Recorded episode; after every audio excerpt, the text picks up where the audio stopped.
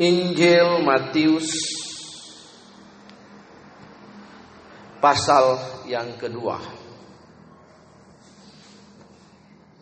Kita akan baca ayat ini.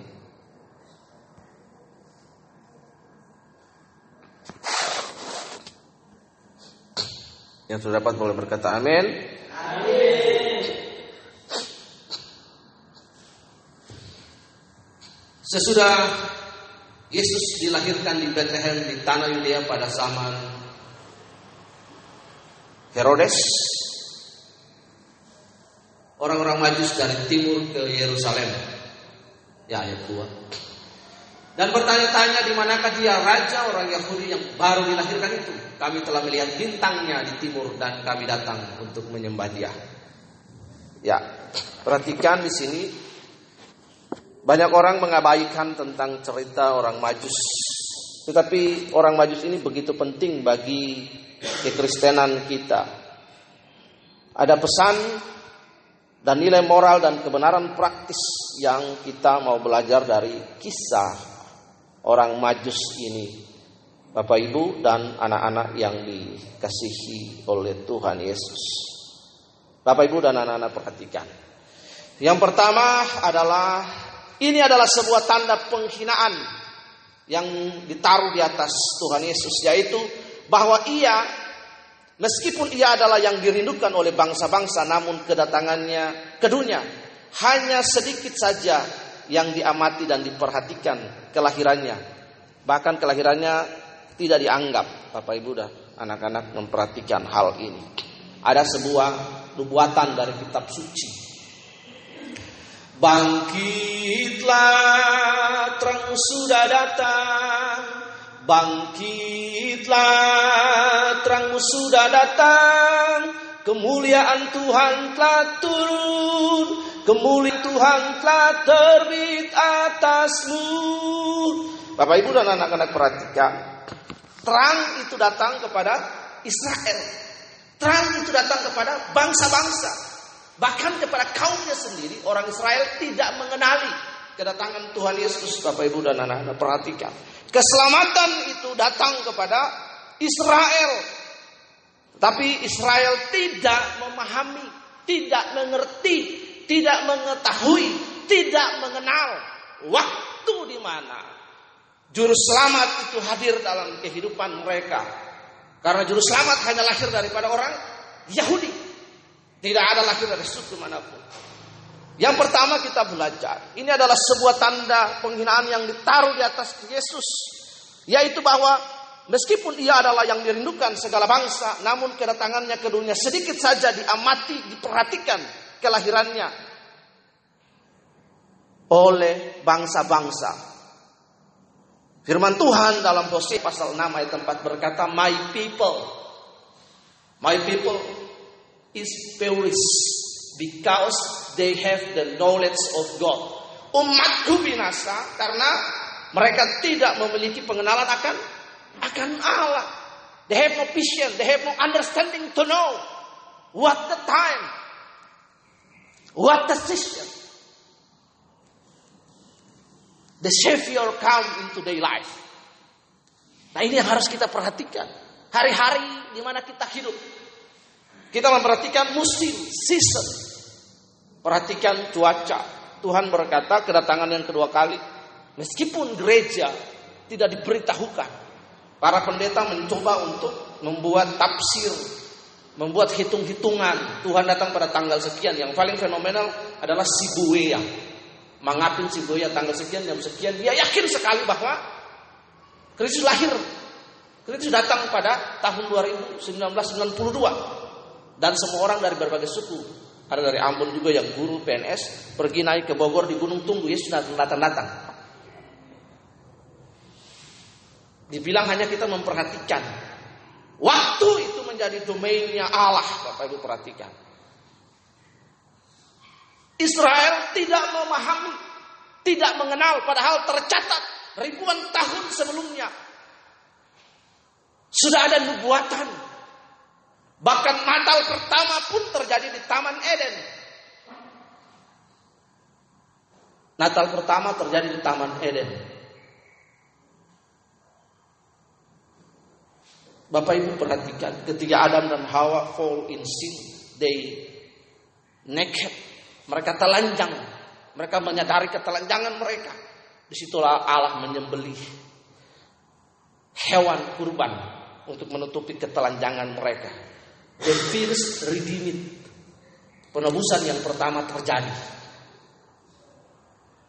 untuk mereka. Perhatikan di situ. Jadi tidak ada orang yang menganggap, memperhatikan, mengamati kelahiran Yesus. Hari ini coba Anda perhatikan. Ketika Presiden Jokowi datang diumumkan.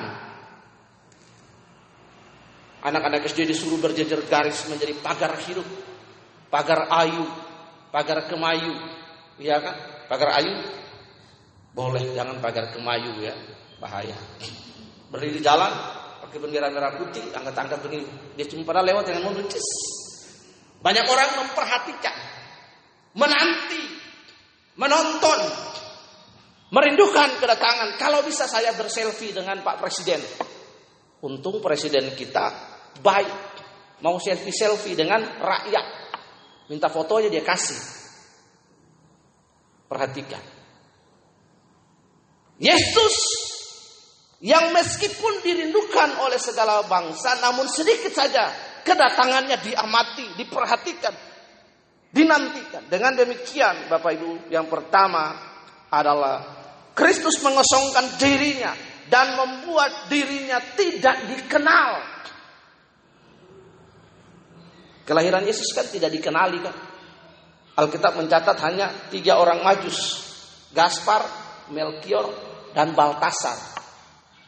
Selebihnya para gembala di kandang domba.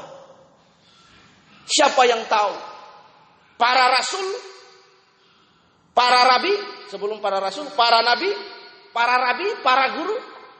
Mereka tidak mengetahui kelahiran Yesus.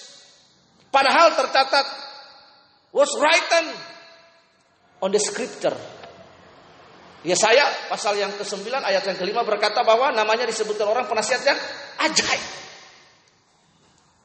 Betapa gelapnya pikiran manusia. Hati mereka dibutakan oleh dosa. Roma 3:23 berkata bahwa manusia sudah jatuh dalam dosa dan kehilangan kemuliaan Allah. Perhatikan. Yesus yang akan lahir dari Israel dan menebus mereka. Bahkan setiap hari dalam doa-doa mereka. Mereka berdoa, Tuhan send for us the Savior that your promises to us. Kirimkan bagi kami juru selamat yang kau janjikan. Juru selamat yang mana? Tercatat dalam kitab suci. Tapi mereka tidak mengetahui. Itulah sebabnya saya berkata umatku binasa. Karena mereka tidak memiliki pengetahuan. Dari kisah ini kita belajar Anak Allah harus datang ke dunia. Maka sudah sewajarnya orang berpendapat bahwa ia harus disambut dengan upacara yang meriah.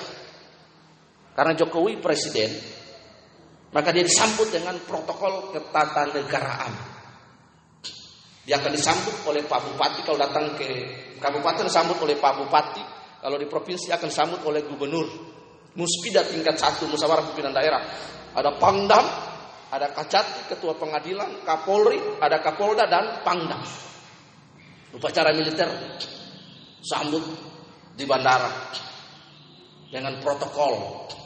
Tapi Anda lihat di sini Yesus tidak disambut dengan upacara yang meriah, mahkota dan tongkat kerajaan yang sudah seharusnya diletakkan pada kakinya dan para raja yang mulia dan perkasa seharusnya menjadi hamba-hamba yang tunduk kepadanya.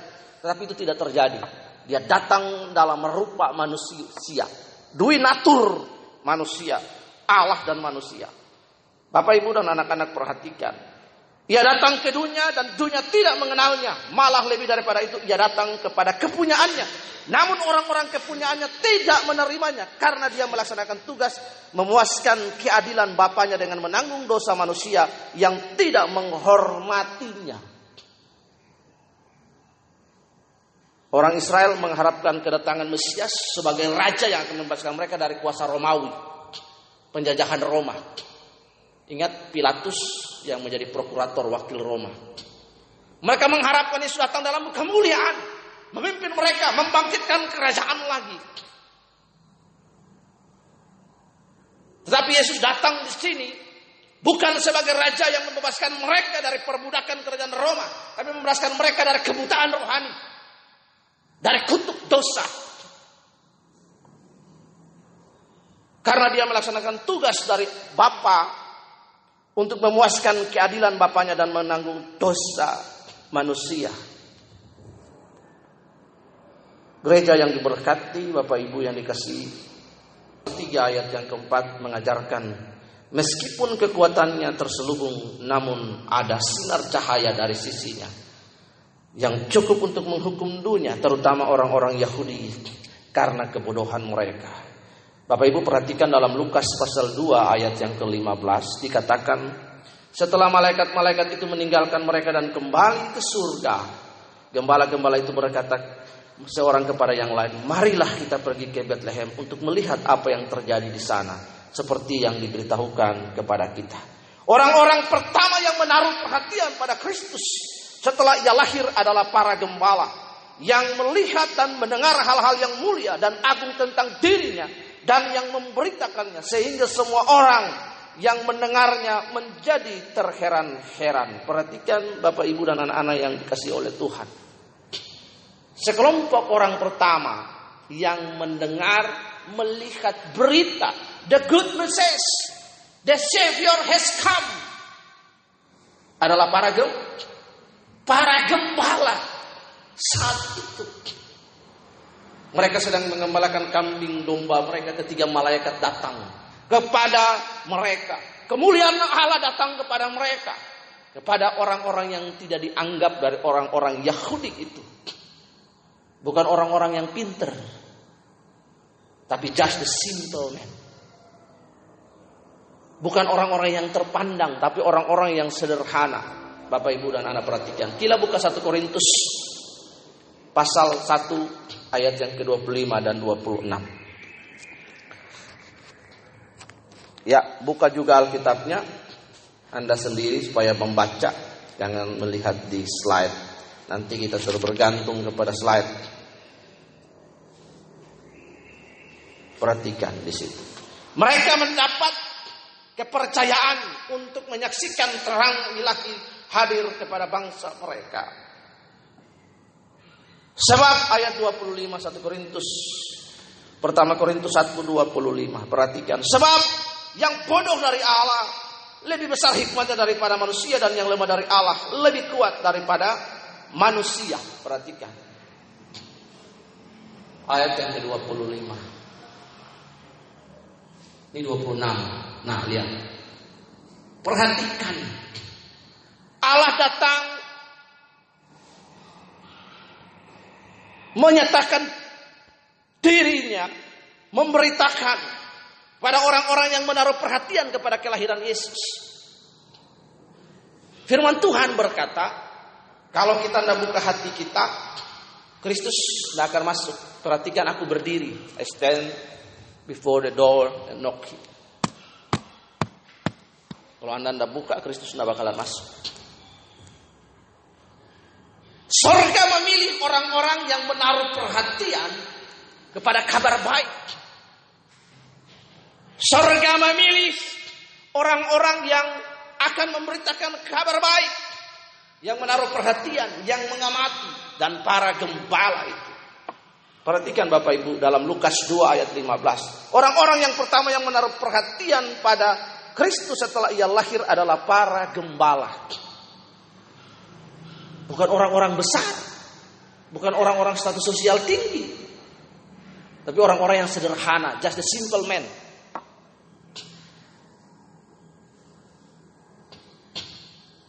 Just the simple man. Perhatikan.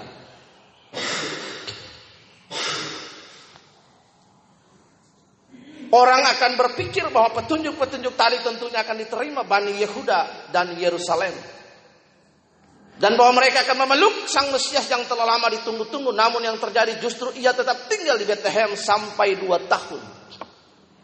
Setelah Yesus lahir, orang Majus datang mereka bertemu dengan Herodes dan Herodes memberitahukan kasih tahu kepada saya bahwa ada raja orang Yahudi itu dia akan datang. Dia kumpulin semua para tua-tua ahli Taurat. Dia menanyakan informasi bahwa benar Yesus lahir di Bethlehem dan Yesus sudah lahir.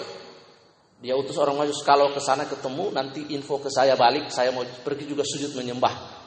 Tapi orang majus dituntun oleh orang oleh bintang dan kemudian mereka mencari jalan lain.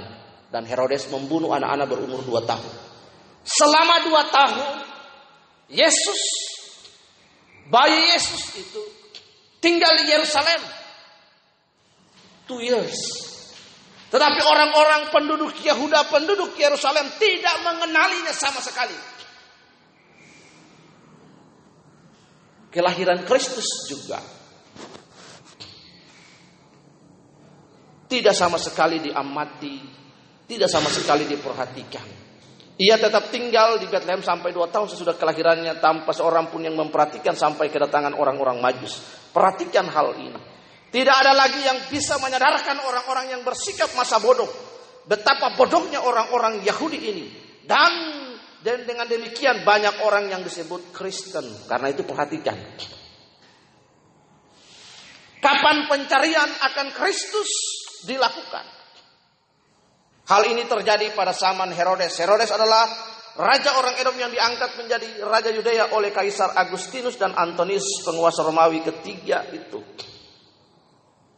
Kristus lahir dalam tahun ke-30 pemerintahan Herodes dan hal ini dicatat untuk menunjukkan bahwa tongkat kerajaan dan lambang pemerintahan kini telah beranjak daripada Yehuda dari antara kakinya dan karena itu sudah tiba saatnya kedatangan Silo Artinya dia yang berhak atasnya.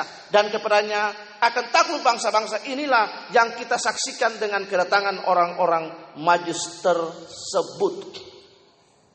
Kapan pencarian? Karena itu menjadi tugas kita. Kapan kita berjuang terus untuk mencari juru selamat itu? Even though he has come.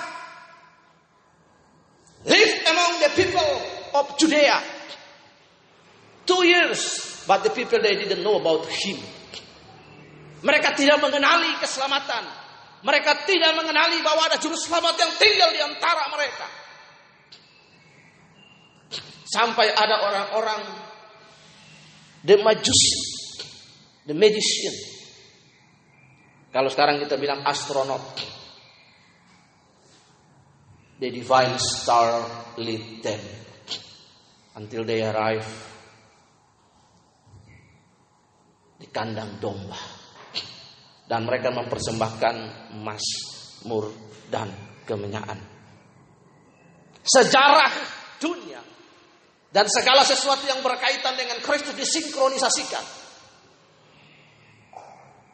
Bapak Ibu dan anak-anak memperhatikan hal ini. Sebelum Natal nanti puncak khotbah tentang dosa. 25 Desember Natal itu bukan saja berbicara tentang kita happy. Tapi berbicara hari ini tentang pencarian kita akan Tuhan. Jangan kita berpikir kita Kristen. Lalu otomatis kita mendapat hak istimewa. Kalau Anda ada sungguh-sungguh di dalam Tuhan. Dan mengerjakan keselamatan di dalam Tuhan. Dan mengasihi Tuhan. Terkutuk. Orang Israel yang kepadanya firman dijanjikan. Juru selamat akan datang dari mereka. Mereka hidup bergaul dengan Allah. Tapi ketika Yesus lahir mereka tidak mengenal Kristus. Ini yang menjadi pertanyaan bagi kita. Bapak Ibu dan anak-anak.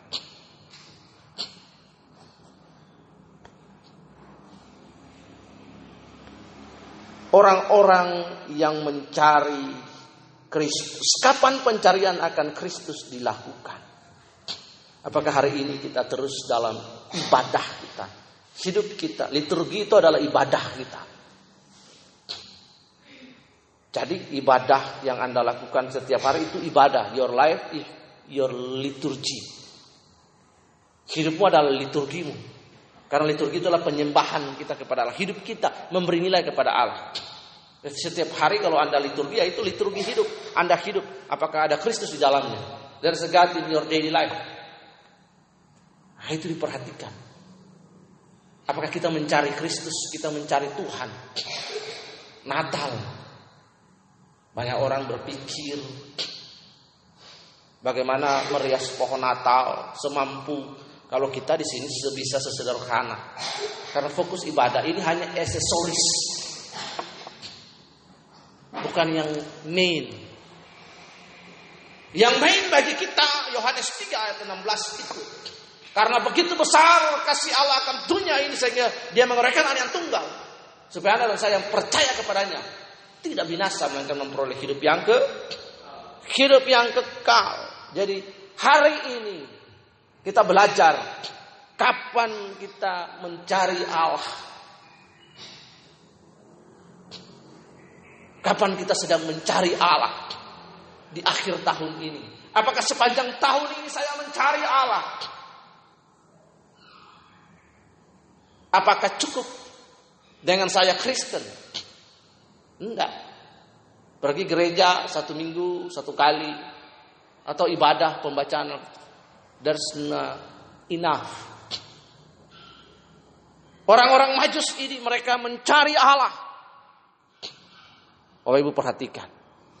Dengan segenap hati. Mereka menempuh perjalanan yang jauh dituntun oleh bintang. Follow the star. Karena itu hidup kita perlu dipimpin oleh yang maha tinggi. Mereka mengikuti bintang. Perjalanan yang memakan waktu. Mereka membawa harta mereka. Dan mereka mempersembahkan segala sesuatu emas, mur dan kemenyaan. Nanti kita akan belajar dalam seri berikutnya. Mereka membawa emas, mur dan kemenyaan. Mereka persembahkan kepada Kristus. Dari harta mereka, waktu mereka, tenaga mereka. Mereka mencari Allah. Mereka menyembah Allah. Mereka bukan bagian dari orang Israel. Tetapi terang itu datang kepada bangsa-bangsa. Dan the Majusi ini meresponi. Does the glory of God come into the nation? Terang yang ilahi itu masuk ke dalam dunia. Merobek kegelapan. Memberikan keselamatan. Dan hanya just the small people, small smallest people.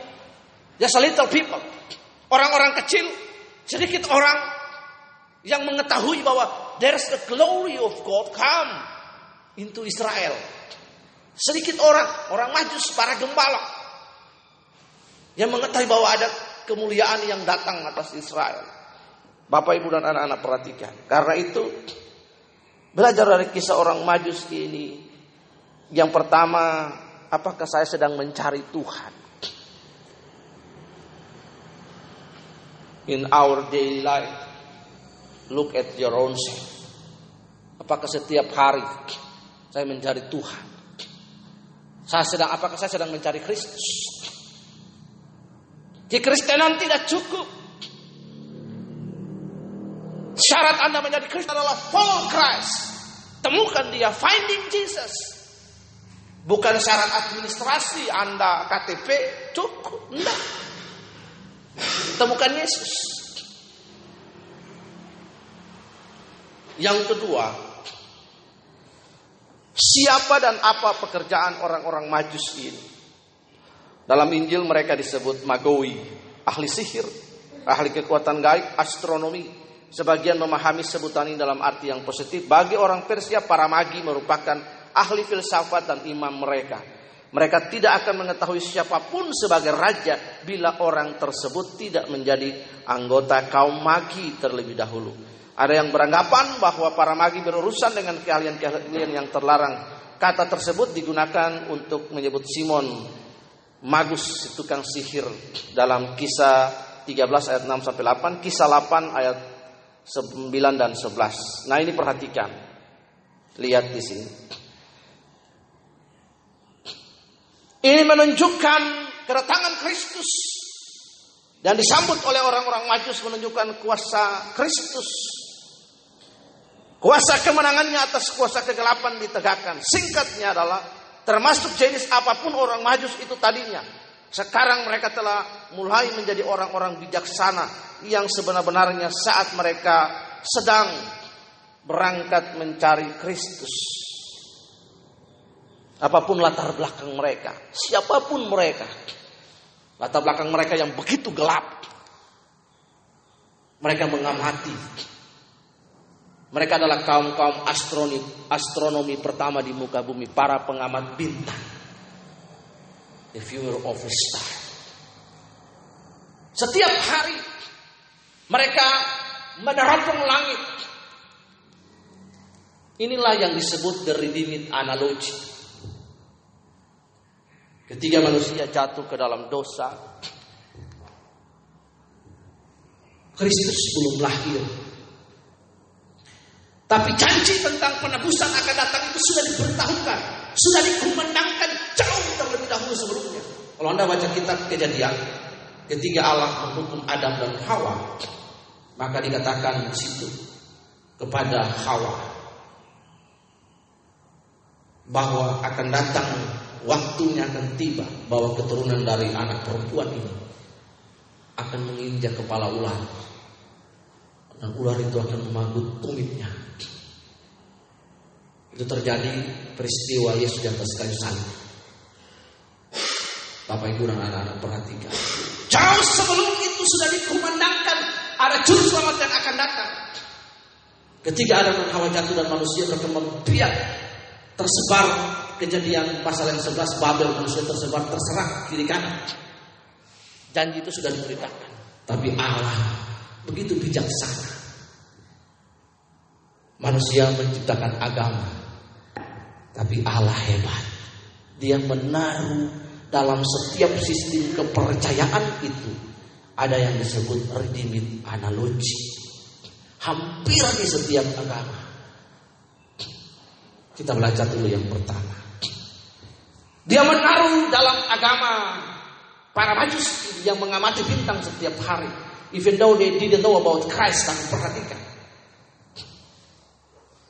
Mereka yang mengamati bintang itu. Satu-satunya bintang yang ilahi. Yang itu bintang timur Kristus itu. Menunjukkan diri kepada mereka. Dan mereka mengikuti bintang Bintang itu. Latar belakang mereka yang begitu gelap. Mereka bukan mempercaya. Tapi ketika mereka bertemu dengan sang ilahi. Di atas itu mereka segera tahu. Bintang itu berhenti di atas rumah itu. Dan mereka tahu. He is the king. He is the savior. Bahwa namanya disebutkan orang penasihat yang ajaib. Pengakuan yang pertama dari manusia itu datang dari orang-orang majus kepada bayi Yesus. Mereka sujud menyembah kepadanya dan mempersembahkan dari harta mereka mazmur dan minyak. Perhatikan, orang-orang terpandang, orang-orang pinter pada waktunya. Kalau pinter logika mereka, mereka tidak mungkin menyembah bayi yang lahir di kandang domba Orang-orang mungkin bisa saja kerajaan menyembah sang pangeran bayi kecil di istana kerajaan dari terah dari keturunan raja, keturunan bangsawan, putra mahkota. Kalau istana kerajaan Mega, kita bisa saja menyembah. Tapi hari ini siapa yang menyembah bayi yang lahir di Palungan? Karena itu bintang itu harus berhenti di atas sebagai sebuah tanda. He is the king. Pengakuan yang pertama itu datang dari orang-orang majus. Dari orang-orang majus yang tadinya orang-orang yang tidak menyembah dan mengenal Allah. Mereka akhirnya menjadi orang-orang bijaksana yang sebenarnya mereka berangkat untuk mencari Kristus dan mereka menemukan Kristus. Finally they finding Jesus and they worship Him. Dan mereka memberikan kepadanya mazmur dan kemuliaan. Sebagai sebuah pengakuan bahwa Kristus adalah imam, raja, dan nabi. Nabi, raja, imam, dan raja, nabi, dan imam. Itu adalah tiga jabatan Kristus. Ada pengakuan dari orang-orang terpandang dari para majusi yang dituntut oleh bintang Day. Tiba di rumah itu, mereka menyembah dan sujud menyembah dan persembahkan. Itu pengakuan hebat Kristus menyusun segala sesuatu, baik situasi, kondisi, tanggal, bulan, situasi kerajaan bangsa-bangsa. di mana Kristus lahir. Kristus harus lahir pada pemerintahan Raja Kaisar Agustinus. Semuanya disetting oleh Allah sebagai master of grand designer yang ulung. Karena itu Allah kalau mengatur setua segala situasi, momen dan lain sebagainya, jangan pernah meragukan dia. Katakan amin. Segala yang terjadi lebih mendekatkanku mengenal akanmu selalu. Segala sesuatu yang disetting, yang diatur oleh Allah. Month, day, year, centuries. In every season. Bring us to be with Jesus. Sebagai imam kita. Sebagai raja kita. Sebagai Tuhan kita. Katakan amin. Karena itu hal-hal yang harus kita perhatikan adalah bahwa mereka orang-orang dari bangsa lain yang tidak termasuk bangsa atau persekmamuran Israel orang Yahudi tidak peduli dengan Kristus. Tapi orang-orang dari bangsa bukan Yahudi ini mencari keterangan mengenai dirinya. Perhatikan, sering kali mereka yang terdekat dengan sumber justru adalah yang paling jauh daripada tujuan. Lihat di situ. Matius 8 ayat 11 12 berkata, Aku berkata kepadamu banyak orang akan datang dari timur dan barat duduk makan bersama-sama dengan Abraham, Isa dan Yakub dalam kerajaan surga. Sedangkan anak-anak kerajaan itu dicampakkan ke dalam kegelapan yang paling gelap. Di sana akan terdapat kertak gigi dan ratapan. Yesus datang dari orang Israel, tidak satu pun yang tahu. Bahkan para imam, para pemimpin, para ahli Taurat. Yang tahu para gembala.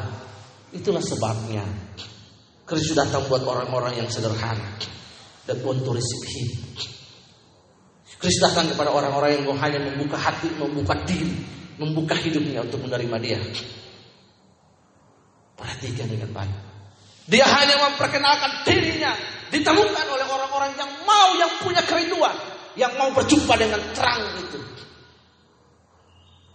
Yang mau menyembah Dia, tidak lain dan tidak bukan. 1 Korintus pasal 1 ayat 25 berkata memperkan diri bagi orang-orang yang bodoh, orang-orang yang sederhana. Para gembala.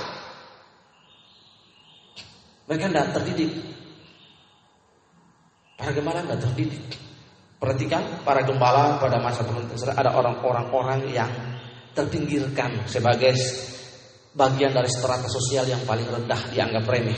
Karena mereka hanya punya tugas menggembalakan. Itu kasta sosial yang paling rendah supaya tergenap ya 1 Korintus pasal 1 ayat 25. Supaya kalau Yesus lahir di kerajaan yang megah yang wow, banyak orang menyambut.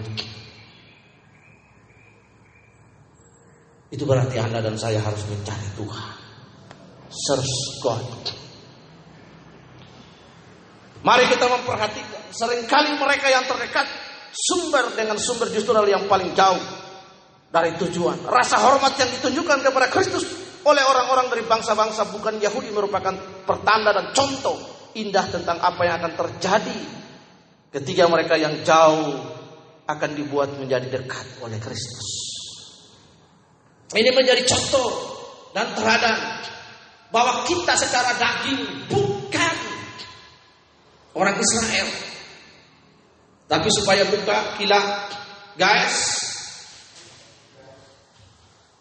Galatia pasal 3 ayat 14 perhatikan di situ.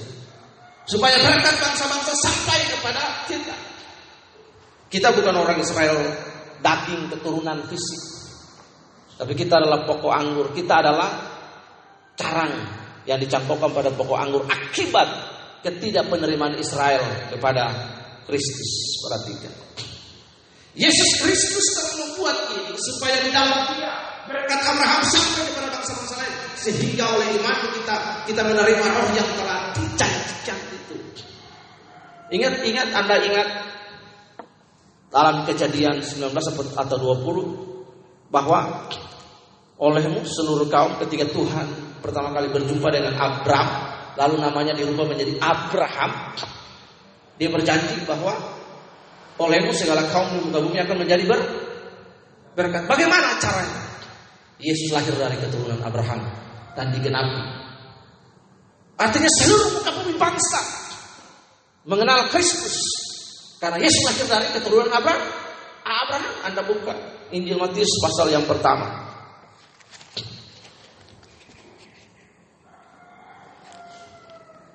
Baca di situ silsilah Yesus Kristus. Anda temukan di situ Abraham, Ishak dan Yakub. Yang pertama Adam. Lihat di situ. Yesus Kristus, anak Daud, anak Abraham. Abraham memperanakan Ishak. Baik Ishak memperanakan Yakub. Lihat di situ. Tahan sebagai. Digenapi dalam Galatia pasal yang ketiga ayat 14 ini. Karena itu mari kita bersyukur bahwa kita bukan pokok anggur itu tapi kita cara akibat ketidaktaatan kelalaian mereka. Sampai hari ini Anda perhatikan orang Israel ada beberapa kecil saja yang disebut jus mesianik, kehilat mesianik yang percaya kepada Yesus. Tapi sebagian besar mereka tidak percaya kepada Kristus dan sampai hari ini masih merindukan. Mereka ingin membangun bait suci. Yang ketiga, the third temple. Lalu mereka sedang Anda cari di Google, Anda lihat mereka sementara menantikan Mesias yang baru. Mereka sudah punya uh, apa? replika tentang bait Allah. Lalu mereka sudah punya domba merah untuk disembelihkan. Mereka punya para imam yang sedang dilatih namanya Kohanim. Para imam Lewi. Jadi mereka melakukan ritual ibadah mau menyembelih domba itu lagi. Padahal Yesus sudah berkata, Injil berkata ketika Yesus mati tabir bait Allah terbelah menjadi dua. Masa keimamatan berakhir. Keselamatan itu datang. Supaya genaplah pertama Petrus pasal 2 ayat yang ke-9. Tapi kamulah bangsa yang terpilih. Dulu Imam Lewi hanya satu suku. Sekarang seluruh bangsa, seluruh manusia adalah imamat imam, mereka dapat datang kepada Yesus tanpa perlu harus melalui pastor.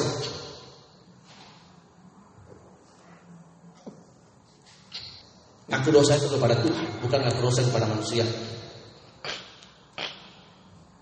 Anda ngaku dosa kepada manusia, manusia bisa bocorkan. Datang aku kepada Tuhan. Tidak ada lagi perwakilan.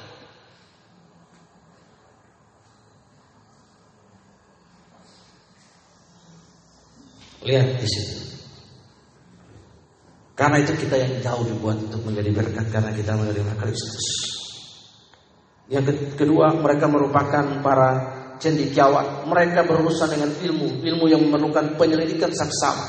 Cendikiawan yang baik seharusnya menjadi orang Kristen yang baik. Mereka baru akan merampungkan pembelajaran bila mereka sudah belajar tentang Kristus. Ini meruntuhkan Bapak Ibu. Lihat di sini. Ini meruntuhkan seluruh definisi tentang orang pinter. Jadi orang pinter harusnya dia berperilaku seperti orang ma majus. Mereka orang pintar pada zamannya, pada waktu itu. Tapi mereka bertemu dengan Yesus. Ini menggambarkan bahwa semakin orang Kristen baik siapa pun dia yang semakin dia pinter, dia baru akan merampungkan seluruh pembelajaran dan seluruh penelitian. If he meet with Jesus, katakan Ada anda cari di Google, YouTube, seorang yang katanya katanya pintar itunya, mungkin setelah NC namanya Steve Hawkins. Punya Google, Wifi ada di sini, cari klik. Steve Hawkins, profesor yang katanya paling pintar tapi duduk di kursi roda begini cacat. Lalu dia bikin teori namanya teori Big Bang dan teori The Big Hole. Lalu ada teori namanya negatif dekat partikel, partikel Allah. Jadi Allah itu terbentuk dari partikel. Surga dan bumi manusia itu tercipta dari tumpukan partikel. Ada lubang besar, boom, ini bullshit, perhatikan. Segala sesuatu itu ada, bukan ada dengan sendirinya. Apakah Anda ada dengan sendiri? Tidak kan?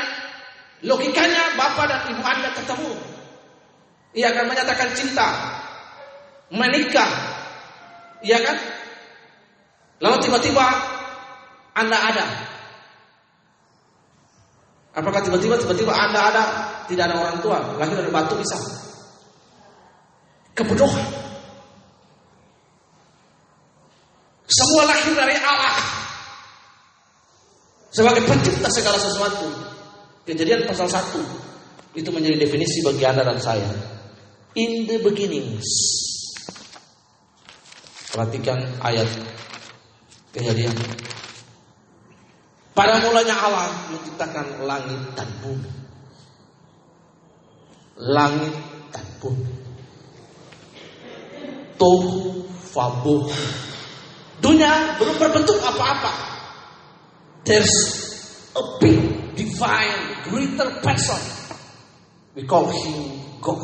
Karena itu Bapa Allah namanya disebut pencipta artinya source sumber dari segala sesuatu alam semesta langit dan bumi benda materi apa pun itu datang daripada Allah itu menjadi pengakuan iman saudara dan saya. Mereka menjadi orang pintar. Mau sepintar apa pun anda sehebat apa pun anda pembelajaran kita berhenti dan kita merampungkan seluruh pengajaran kita tentang hidup tentang apa pun. Bila kita sudah belajar tentang Kristus. Karena sudah disebutkan namanya disebutkan orang akan lahir bagimu juru selamat di kota Daud namanya akan disebutkan orang penasihat yang ajaib Siapa yang bisa memberikan nasihat yang ajaib jawaban bukan seluruh nasihat yang ajaib jawaban yang ajaib selain Kristus yang dapat menyelesaikan seluruh problem persoalan hidup manusia selain Kristus tidak ada. Mulai dari dosa, sakit penyakit, kutuk, pengampunan, damai sejahtera cuma Yesus katakan. Tidak ada yang lain. Karena itu perhatikan poin yang kedua. Para majus ini adalah orang cendikiawan. Mereka berurusan dengan ilmu, ilmu yang memerlukan penyelidikan yang saksama. Jadi kawan yang baik seharusnya menjadi orang Kristen yang baik. Mereka yang baru, mereka baru akan merampungkan pembelajaran bila mereka sudah berjumpa dengan Kristus. Perhatikan. Yang ketiga dan yang terakhir, nanti kita sambung lagi.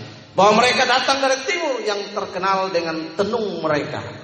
Anda bisa membuka dalam Yesaya pasal 2 ayat yang ke-6. Sungguh telah kau buang umatmu, yakni kaum keturunan Yakub Sebab di mana-mana mereka melakukan tenung seperti yang di timur dan sihir seperti orang Filistin dan orang-orang asing di antara mereka terlalu banyak. Perhatikan, buka gila Yesaya 2 ayat 6. Help guys. Ya.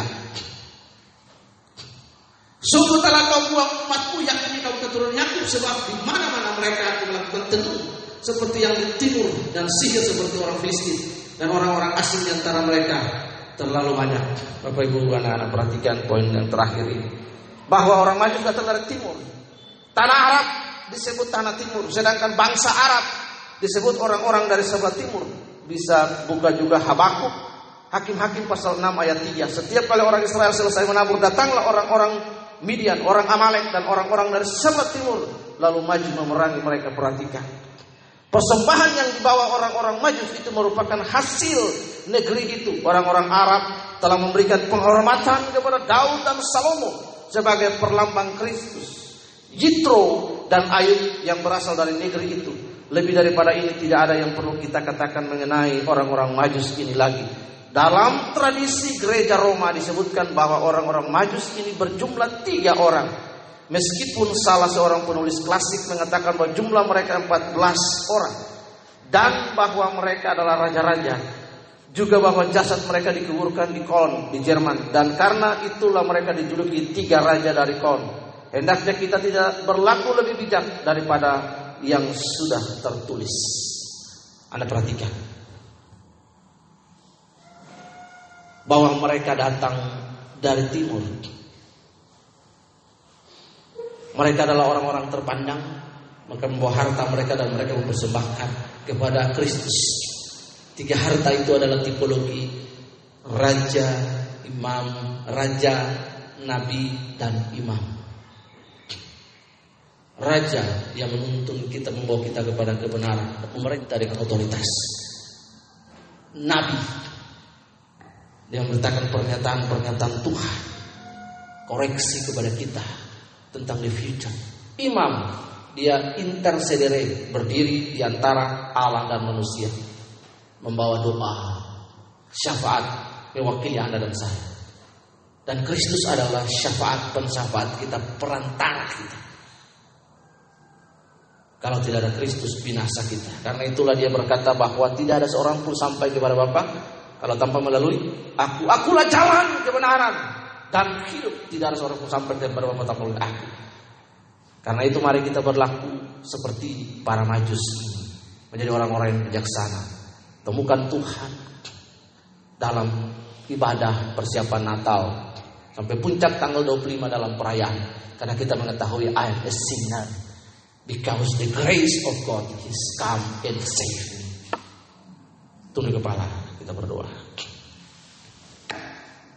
Kami bersyukur kepada Engkau, Allah Bapa yang kudus, memahami akan kebenaran praktis tentang orang majus. Mereka datang dan mengalami perjumpaan dengan Allah, mempersembahkan hidup mereka. Tidak ada orang pun dari orang Israel yang menaruh perhatian kepada kelahiran Yesus. Hanya para gembala dan orang majus. Tuhan, orang-orang yang sederhana dan orang-orang yang terpelajar. Orang yang sederhana seperti para gembala menaruh perhatian, menangkap perintah dan membagikan kepada orang lain. Dan orang yang paling pintar, orang majus itu merampungkan seluruh pelajaran mereka dengan bertemu dan berjumpa dengan Tuhan. Sujud menyembah kepada Yesus, mempersembahkan harta mereka. Demikianlah kami. Biar kami belajar dari para gembala, orang-orang yang sederhana yang berjumpa Yesus dengan sukacita dan memberitakan kabar sukacita itu kepada orang lain. Hari itu dengan sukacita mereka bernyanyi, Go tell it on the mountain, over the seas and every mountain. Mereka beritakan kabar sukacita melampaui desa-desa gunung-gunung dan lembah-lembah.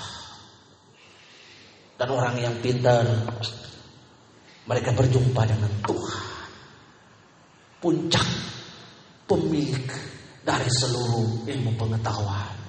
Itulah sebabnya Amsal 1 ayat 7 berkata bahwa takut akan Tuhan adalah permulaan hikmat dan pengetahuan. Tetapi orang bodoh menghina hikmat dan didikan. Hosea 4 ayat 6 berkata bahwa my people is perish because they have the knowledge of God. Kami harus berlaku bijaksana supaya kami tidak binasa. Demikianlah Natal ini memberikan gambaran kepada kita. Pranatal ini memberikan gambaran Tuhan sebelum kami memasuki Natal nanti. Biarlah Tuhan kebenaran praktis dari orang majusi menolong kita memahami untuk mengikuti bintang, untuk mendengarkan berita, mengamati bahwa juru selamat Heska. Terima kasih Tuhan. Kita tidak saja menjadi orang-orang Kristen karena KTP administrasi, tapi kita menjadi orang-orang Kristen yang berjumpa secara pribadi dengan Yesus. Tolong kami Tuhan.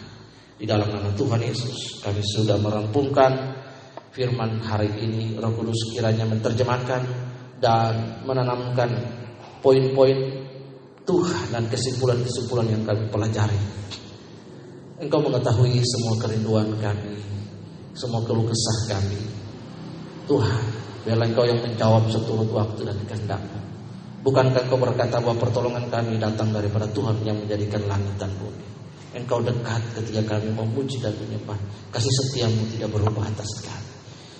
Terima kasih Tuhan anugerahmu dan kekuatanmu yang jauh melampaui segala roh akal dan pikiran. Diberikan kepada kami supaya kami mampu dan dapat melewati hari-hari perjuangan kami hidup dalam bekerja, mengikuti pendidikan, berumah tangga, sekolah dan lain sebagainya. Di atas semua itu ada anugerah Allah yang mampukan kami.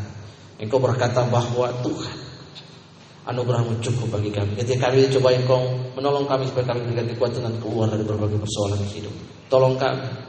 Kami bersyukur atas makan dan minum yang sudah Allah sediakan bagi kami. Baik hari ini maupun hari-hari dia akan datang. Bahwa pemeliharaanmu berlaku atas kami. Terima kasih banyak. Kami berdoa dan mengucap syukur Tuhan bahwa iman kami tertuju kepada Yesus tidak berubah. Karena untuk itu kami berjanji berikrar hanya Yesus dalam kehidupan kami sebagai puncak keselamatan, otoritas hidup kami. Kami cinta, kami kasihi Engkau Tuhan. Di dalam nama Tuhan Yesus. Kami berdoa dan mengucap syukur. Kiranya Engkau saja yang menyempurnakan doa ini. Bapa kami yang di surga. Dikuduskanlah nama. Datanglah kerajaanmu. Jadilah kehendakmu di bumi seperti di surga. Berikanlah kami pada hari ini makanan kami yang secukupnya dan ampunilah kami akan kesalahan kami seperti kami juga mengampuni orang yang bersalah kepada kami dan janganlah bawa kami ke dalam percobaan tetapi lepaslah kami daripada yang jahat karena engkau yang punya kerajaan dan kuasa dan kemuliaan sampai selama lamanya. Di dalam nama Yesus. Kami sudah berdoa dan mengucap syukur. Terima kasih Tuhan. Haleluya haleluya. Amin. Tuhan Yesus memberkati. Injil Matius pasal yang kedua. Kita akan baca ayat ini.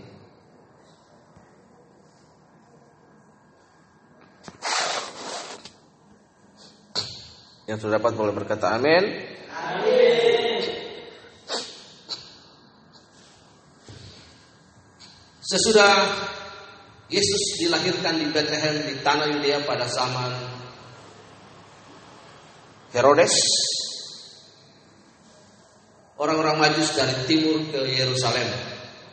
Ya ayat 2. Dan bertanya-tanya di manakah dia raja orang Yahudi yang baru dilahirkan itu. Kami telah melihat bintangnya di timur dan kami datang untuk menyembah dia.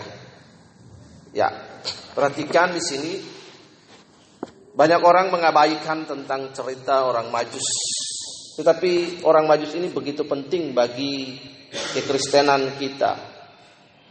Ada pesan dan nilai moral dan kebenaran praktis yang kita mau belajar dari kisah orang Majus ini.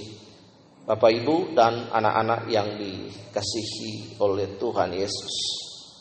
Bapak Ibu dan anak-anak perhatikan. Yang pertama adalah ini adalah sebuah tanda penghinaan yang ditaruh di atas Tuhan Yesus, yaitu bahwa Ia, meskipun Ia adalah yang dirindukan oleh bangsa-bangsa, namun kedatangannya ke dunia hanya sedikit saja yang diamati dan diperhatikan kelahirannya. Bahkan kelahirannya tidak dianggap, Bapak Ibu dan anak-anak memperhatikan hal ini. Ada sebuah nubuatan dari kitab suci Bangkitlah terang sudah datang Bangkitlah terang sudah datang. Kemuliaan Tuhan telah turun. Kemuliaan Tuhan telah terbit atasmu. Bapak Ibu dan anak-anak perhatikan. Terang itu datang kepada Israel. Terang itu datang kepada bangsa-bangsa. Bahkan kepada kaumnya sendiri orang Israel tidak mengenali kedatangan Tuhan Yesus Bapak Ibu dan anak-anak perhatikan. Keselamatan itu datang kepada Israel. Tapi Israel tidak memahami, tidak mengerti, tidak mengetahui, tidak mengenal waktu di mana juru selamat itu hadir dalam kehidupan mereka. Karena juru selamat hanya lahir daripada orang Yahudi. Tidak ada lahir dari suku mana pun.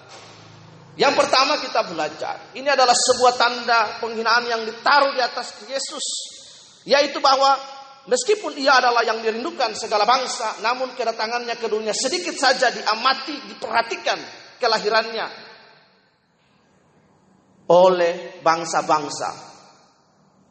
Firman Tuhan dalam Hosea pasal 6 ayat 4 berkata, "My people, my people is perished because they have the knowledge of God. Umatku binasa karena mereka tidak memiliki pengenalan akan akan Allah. They have no vision, they have no understanding to know what the time, what the season. The Savior come into their life. Nah ini yang harus kita perhatikan. hari-hari di mana kita hidup. Kita memperhatikan musim, season. Perhatikan cuaca. Tuhan berkata kedatangan yang kedua kali. Meskipun gereja tidak diberitahukan. Para pendeta mencoba untuk membuat tafsir. Membuat hitung-hitungan. Tuhan datang pada tanggal sekian. Yang paling fenomenal adalah Sibuea. Mengapin Sibuea tanggal sekian, jam sekian. Dia yakin sekali bahwa Kristus lahir. Kristus datang pada tahun 1992. Dan semua orang dari berbagai suku. Ada dari Ambon juga yang guru PNS pergi naik ke Bogor di Gunung Tunggu. Yesus datang-datang. Dibilang hanya kita memperhatikan. Waktu itu menjadi domainnya Allah. Bapak Ibu perhatikan. Israel tidak memahami.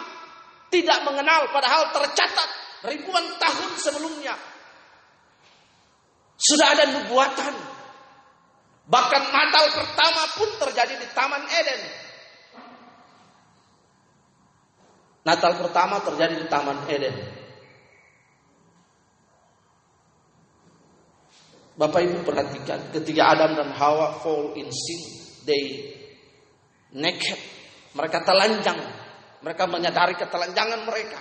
Di situlah Allah menyembelih hewan kurban untuk menutupi ketelanjangan mereka. The first redeemed. Penebusan yang pertama terjadi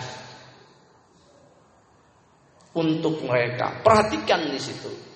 Jadi tidak ada orang yang menganggap, memperhatikan, mengamati kelahiran Yesus. Hari ini coba Anda perhatikan. Ketika Presiden Jokowi datang diumumkan Anak-anak SD disuruh berjejer garis menjadi pagar hidup pagar ayu, pagar kemayu, ya kan? Pagar ayu boleh, jangan pagar kemayu ya, bahaya. Berdiri di jalan, pakai bendera merah putih, angkat-angkat begini, dia cuma pada lewat dengan mobil Banyak orang memperhatikan, menanti, menonton, merindukan kedatangan. Kalau bisa saya berselfie dengan Pak Presiden. Untung presiden kita baik, mau selfie-selfie dengan rakyat. Minta foto aja dia kasih. Perhatikan. Yesus yang meskipun dirindukan oleh segala bangsa namun sedikit saja kedatangannya diamati, diperhatikan, dinantikan. Dengan demikian Bapak Ibu yang pertama adalah Kristus mengosongkan dirinya dan membuat dirinya tidak dikenal Kelahiran Yesus kan tidak dikenali kan. Alkitab mencatat hanya tiga orang majus. Gaspar, Melkior, dan Baltasar. Selebihnya para gembala di kandang domba. Siapa yang tahu? Para rasul, para rabi, sebelum para rasul, para nabi, para rabi, para guru. Mereka tidak mengetahui kelahiran Yesus. Padahal tercatat was written on the scripture. Ya saya pasal yang ke-9 ayat yang kelima berkata bahwa namanya disebutkan orang penasihat yang ajaib. Betapa gelapnya pikiran manusia.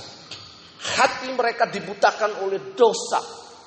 Roma 33 berkata bahwa manusia sudah jatuh dalam dosa dan kehilangan kemuliaan Allah. Perhatikan. Yesus yang akan lahir dari Israel dan menebus mereka. Bahkan setiap hari dalam doa-doa mereka. Mereka berdoa, Tuhan send for us the Savior that your promises to us. Kirimkan bagi kami juru selamat yang kau janjikan. Juru selamat yang mana? Tercatat dalam kitab suci tapi mereka tidak mengetahui. Itulah sebabnya saya berkata umatku binasa. Karena mereka tidak memiliki pengetahuan. Dari kisah ini kita belajar. Anak Allah harus datang ke dunia. Maka sudah sewajarnya orang berpendapat bahwa ia harus disambut dengan upacara yang meriah. Karena Jokowi presiden, maka dia disambut dengan protokol ketatanegaraan. Dia akan disambut oleh Pak Bupati kalau datang ke kabupaten disambut oleh Pak Bupati, kalau di provinsi akan disambut oleh gubernur. Muspida tingkat satu, musyawarah pimpinan daerah. Ada Pangdam, ada Kacati, ketua pengadilan, Kapolri, ada Kapolda dan Pangdam. Upacara militer sambut di bandara dengan protokol. Tapi Anda lihat di sini, Yesus tidak disambut dengan upacara yang meriah, mahkota dan tongkat kerajaan yang sudah seharusnya diletakkan pada kakinya. Dan para raja yang mulia dan perkasa seharusnya menjadi hamba-hamba yang tunduk kepadanya. Tetapi itu tidak terjadi. Dia datang dalam merupa manusia. Dui natur manusia. Allah dan manusia. Bapak ibu dan anak-anak perhatikan. Ia datang ke dunia dan dunia tidak mengenalnya. Malah lebih daripada itu ia datang kepada kepunyaannya. Namun orang-orang kepunyaannya tidak menerimanya karena dia melaksanakan tugas memuaskan keadilan bapaknya dengan menanggung dosa manusia yang tidak menghormatinya. Orang Israel mengharapkan kedatangan Mesias sebagai raja yang akan membebaskan mereka dari kuasa Romawi, penjajahan Roma. Ingat Pilatus yang menjadi prokurator wakil Roma. Mereka mengharapkan Yesus datang dalam kemuliaan, memimpin mereka, membangkitkan kerajaan lagi. Tetapi Yesus datang di sini bukan sebagai raja yang membebaskan mereka dari perbudakan kerajaan Roma, tapi membebaskan mereka dari kebutaan rohani, dari kutuk dosa. Karena dia melaksanakan tugas dari Bapa untuk memuaskan keadilan Bapaknya dan menanggung dosa manusia. Gereja yang diberkati, Bapak Ibu yang dikasih tiga ayat yang keempat mengajarkan meskipun kekuatannya terselubung namun ada sinar cahaya dari sisinya yang cukup untuk menghukum dunia terutama orang-orang Yahudi karena kebodohan mereka. Bapak Ibu perhatikan dalam Lukas pasal 2 ayat yang ke-15 dikatakan setelah malaikat-malaikat itu meninggalkan mereka dan kembali ke surga gembala-gembala itu berkata seorang kepada yang lain, marilah kita pergi ke Bethlehem untuk melihat apa yang terjadi di sana, seperti yang diberitahukan kepada kita. Orang-orang pertama yang menaruh perhatian pada Kristus setelah ia lahir adalah para gembala yang melihat dan mendengar hal-hal yang mulia dan agung tentang dirinya dan yang memberitakannya sehingga semua orang yang mendengarnya menjadi terheran-heran. Perhatikan Bapak Ibu dan anak-anak yang dikasih oleh Tuhan. Sekelompok orang pertama yang mendengar, melihat berita, the good message, the Savior has come, adalah para gem, para gembala saat itu. Mereka sedang mengembalakan kambing domba mereka ketika malaikat datang kepada mereka. Kemuliaan Allah datang kepada mereka. Kepada orang-orang yang tidak dianggap dari orang-orang Yahudi itu. Bukan orang-orang yang pinter. Tapi just the simple man. Bukan orang-orang yang terpandang, tapi orang-orang yang sederhana. Bapak, Ibu, dan anak perhatikan. Kila buka satu Korintus pasal 1 ayat yang ke-25 dan 26. Ya, buka juga Alkitabnya. Anda sendiri supaya membaca, jangan melihat di slide. Nanti kita suruh bergantung kepada slide. Perhatikan di situ.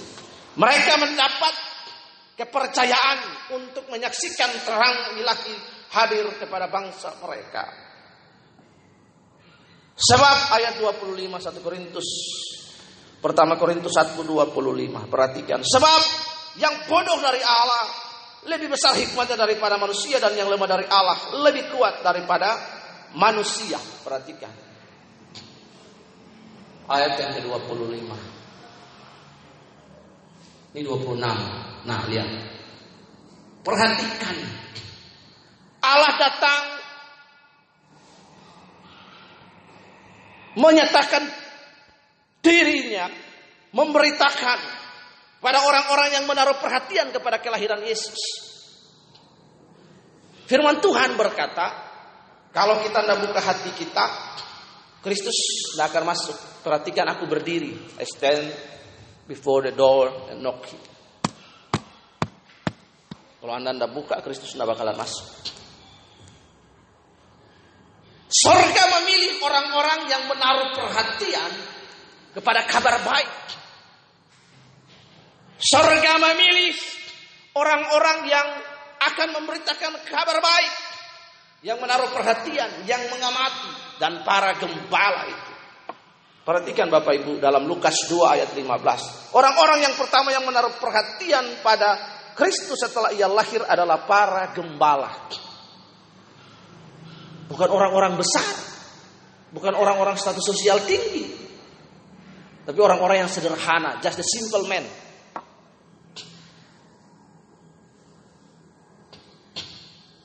Just the simple man. Perhatikan.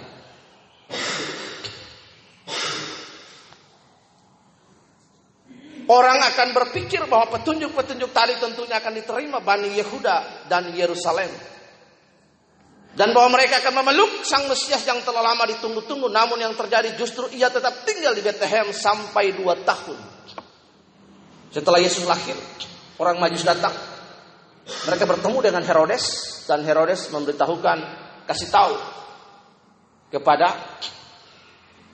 saya bahwa ada raja orang Yahudi itu dia akan datang. Dia kumpulin semua para tua-tua ahli Taurat dia menanyakan informasi bahwa benar Yesus lahir di Bethlehem dan Yesus sudah lahir. Dia utus orang majus kalau ke sana ketemu nanti info ke saya balik, saya mau pergi juga sujud menyembah.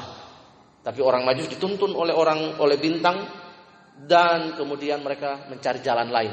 Dan Herodes membunuh anak-anak berumur dua tahun. Selama dua tahun, Yesus, bayi Yesus itu tinggal di Yerusalem. Two years. Tetapi orang-orang penduduk Yahuda, penduduk Yerusalem tidak mengenalinya sama sekali. Kelahiran Kristus juga tidak sama sekali diamati, tidak sama sekali diperhatikan. Ia tetap tinggal di Bethlehem sampai dua tahun sesudah kelahirannya tanpa seorang pun yang memperhatikan sampai kedatangan orang-orang Majus. Perhatikan hal ini. Tidak ada lagi yang bisa menyadarkan orang-orang yang bersikap masa bodoh. Betapa bodohnya orang-orang Yahudi ini. Dan, dan dengan demikian banyak orang yang disebut Kristen. Karena itu perhatikan. Kapan pencarian akan Kristus dilakukan?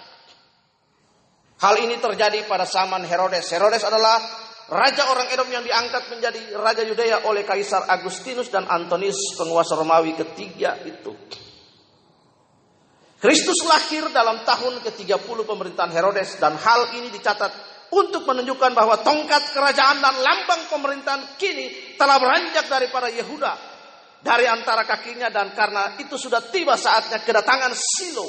Artinya dia yang berhak atasnya dan kepadanya akan takut bangsa-bangsa inilah yang kita saksikan dengan kedatangan orang-orang majus tersebut.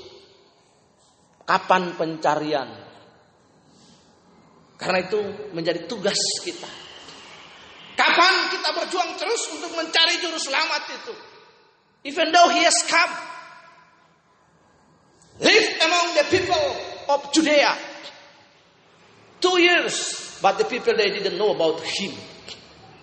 Mereka tidak mengenali keselamatan. Mereka tidak mengenali bahwa ada juru selamat yang tinggal di antara mereka. Sampai ada orang-orang The Majusi. The magician. Kalau sekarang kita bilang astronot. The divine star lead them. Until they arrive di kandang domba.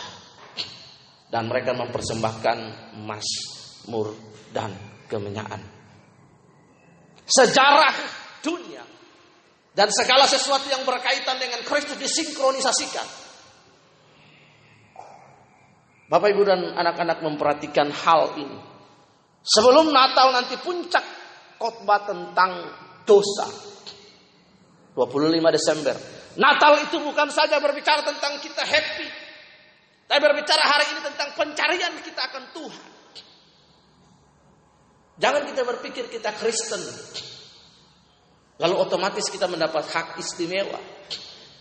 Kalau Anda ada sungguh-sungguh di dalam Tuhan, tidak mengerjakan keselamatan di dalam Tuhan. dan mengasihi Tuhan terkutuk. Orang Israel yang kepadanya firman dijanjikan. Juru selamat akan datang dari mereka. Mereka hidup bergaul dengan Allah. Tapi ketika Yesus lahir mereka tidak mengenal Kristus. Ini yang menjadi pertanyaan bagi kita. Bapak, Ibu, dan anak-anak.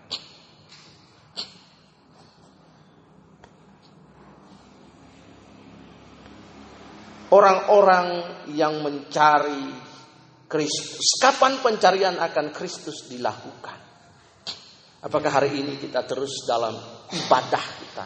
Hidup kita, liturgi itu adalah ibadah kita. Jadi ibadah yang Anda lakukan setiap hari itu ibadah. Your life is your liturgy. Hidupmu adalah liturgimu. Karena liturgi itu adalah penyembahan kita kepada Allah. Hidup kita memberi nilai kepada Allah. Setiap hari kalau Anda liturgi, ya itu liturgi hidup. Anda hidup. Apakah ada Kristus di dalamnya? Dari segala in your daily life. Nah, itu diperhatikan. Apakah kita mencari Kristus? Kita mencari Tuhan. Natal. Banyak orang berpikir bagaimana merias pohon Natal semampu kalau kita di sini bisa sesederhana. Karena fokus ibadah ini hanya aksesoris bukan yang main. Yang main bagi kita Yohanes 3 ayat 16 itu. Karena begitu besar kasih Allah akan dunia ini sehingga dia mengorbankan anak yang tunggal. Supaya anda dan saya yang percaya kepadanya tidak binasa melainkan memperoleh hidup yang ke hidup yang kekal. Jadi hari ini kita belajar kapan kita mencari Allah Kapan kita sedang mencari Allah di akhir tahun ini? Apakah sepanjang tahun ini saya mencari Allah? Apakah cukup dengan saya Kristen? Enggak. Pergi gereja satu minggu, satu kali. Atau ibadah pembacaan. There's enough. Orang-orang majus ini mereka mencari Allah. Bapak Ibu perhatikan. Dengan segenap hati. Mereka menempuh perjalanan yang jauh dituntun oleh bintang. Follow the star. Karena itu hidup kita perlu dipimpin oleh yang maha tinggi. Mereka mengikuti bintang. Perjalanan yang memakan waktu. Mereka membawa harta mereka. Dan mereka mempersembahkan segala sesuatu emas, mur dan kemenyaan. Nanti kita akan belajar dalam seri berikutnya. Mereka membawa masmur dan kemenyan. Mereka persembahkan kepada Kristus. Dari harta mereka, waktu mereka, tenaga mereka. Mereka mencari Allah. Mereka menyembah Allah. Mereka bukan bagian dari orang Israel. Tetapi terang itu datang kepada bangsa-bangsa. Dan the Majusi ini meresponi. Does the glory of God come? into the nation. Terang yang ilahi itu masuk ke dalam dunia, merobek kegelapan, memberikan keselamatan, dan hanya just the small people, small, smallest people, just a little people, orang-orang kecil, sedikit orang yang mengetahui bahwa there's the glory of God come into Israel. Sedikit orang, orang majus, para gembala yang mengetahui bahwa ada kemuliaan yang datang atas Israel. Bapak, Ibu, dan anak-anak perhatikan. Karena itu, belajar dari kisah orang majus ini. Yang pertama, apakah saya sedang mencari Tuhan? In our daily life, look at your own self. Apakah setiap hari saya mencari Tuhan? Saya sedang apakah saya sedang mencari Kristus? Kekristenan tidak cukup. Syarat Anda menjadi Kristen adalah follow Christ. Temukan dia, finding Jesus. Bukan syarat administrasi Anda KTP cukup. Enggak. Temukan Yesus. Yang kedua, siapa dan apa pekerjaan orang-orang majus ini? Dalam Injil mereka disebut magoi, ahli sihir, ahli kekuatan gaib, astronomi. Sebagian memahami sebutan ini dalam arti yang positif. Bagi orang Persia, para magi merupakan ahli filsafat dan imam mereka. Mereka tidak akan mengetahui siapa pun sebagai raja bila orang tersebut tidak menjadi anggota kaum magi terlebih dahulu. Ada yang beranggapan bahwa para magi berurusan dengan keahlian-keahlian yang terlarang. Kata tersebut digunakan untuk menyebut Simon Magus tukang sihir dalam kisah 13 ayat 6 sampai 8, kisah 8 ayat 9 dan 11. Nah, ini perhatikan. Lihat di sini. Ini menunjukkan kedatangan Kristus dan disambut oleh orang-orang Majus menunjukkan kuasa Kristus. Kuasa kemenangannya atas kuasa kegelapan ditegakkan. Singkatnya adalah termasuk jenis apa pun orang Majus itu tadinya. Sekarang mereka telah mulai menjadi orang-orang bijaksana yang sebenar-benarnya saat mereka sedang berangkat mencari Kristus. Apa pun latar belakang mereka, siapa pun mereka, latar belakang mereka yang begitu gelap, mereka mengamati. Mereka adalah kaum-kaum astronomi, astronomi pertama di muka bumi, para pengamat bintang. The viewer of a star. Setiap hari mereka meneropong langit. Inilah yang disebut the redeemed analogy. Ketika manusia jatuh ke dalam dosa, Kristus belum lahir. Tapi janji tentang penebusan akan datang itu sudah diberitahukan, sudah dikumandangkan jauh terlebih dahulu sebelumnya. Kalau Anda baca kitab kejadian, ketika Allah menghukum Adam dan Hawa, maka dikatakan di situ kepada Hawa bahwa akan datang waktunya akan tiba bahwa keturunan dari anak perempuan ini akan menginjak kepala ular. Dan ular itu akan memagut tumitnya. Itu terjadi peristiwa Yesus di atas kayu salib. Bapak Ibu dan anak-anak perhatikan. Jauh sebelum itu sudah dikumandangkan ada juru selamat yang akan datang. Ketika ada dan Hawa jatuh dan manusia berkembang biak tersebar kejadian pasal yang 11 Babel manusia tersebar terserah kiri kanan. Janji itu sudah diberitakan. Tapi Allah begitu bijaksana. Manusia menciptakan agama. Tapi Allah hebat. Dia menaruh dalam setiap sistem kepercayaan itu ada yang disebut redeemed analogi.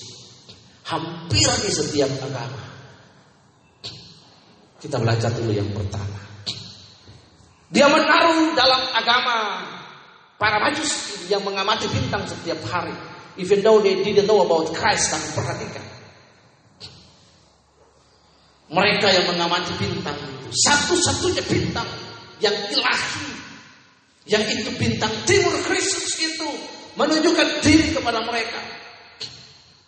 Dan mereka mengikuti bintang Bintang itu. Latar belakang mereka yang begitu gelap mereka bukan percaya. Tapi ketika mereka bertemu dengan sang ilahi. Di atas itu mereka segera tahu. Bintang itu berhenti di atas rumah itu. Dan mereka tahu. He is the king. He is the savior. Bahwa namanya disebutkan orang penasihat yang ajaib. Pengakuan yang pertama dari manusia. Itu datang dari orang-orang majus kepada bayi Yesus. Mereka sujud menyembah kepadanya dan mempersembahkan dari harta mereka mazmur dan minyak. Perhatikan.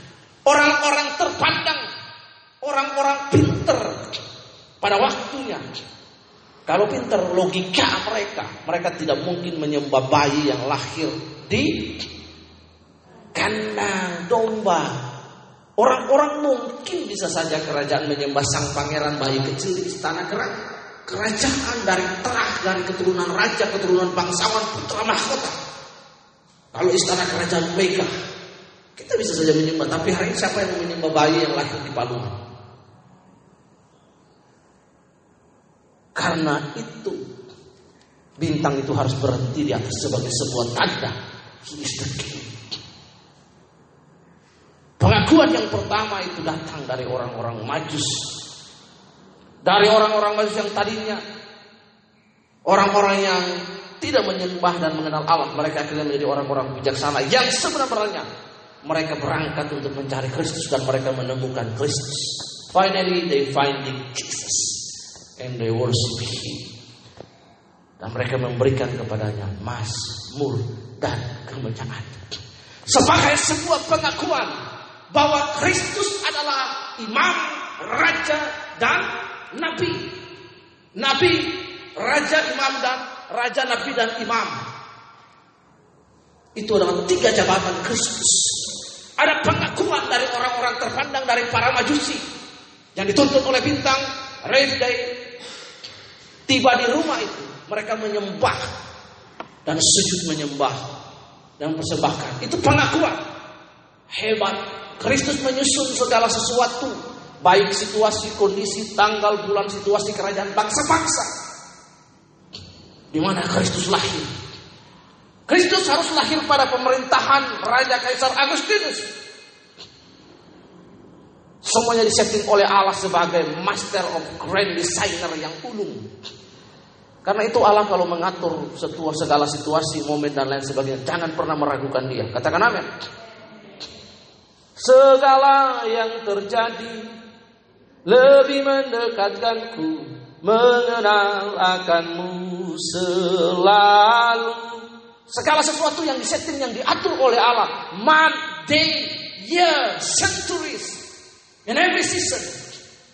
Bring us to be with Jesus. Sebagai imam kita. Sebagai raja kita. Sebagai Tuhan kita. Katakan amin.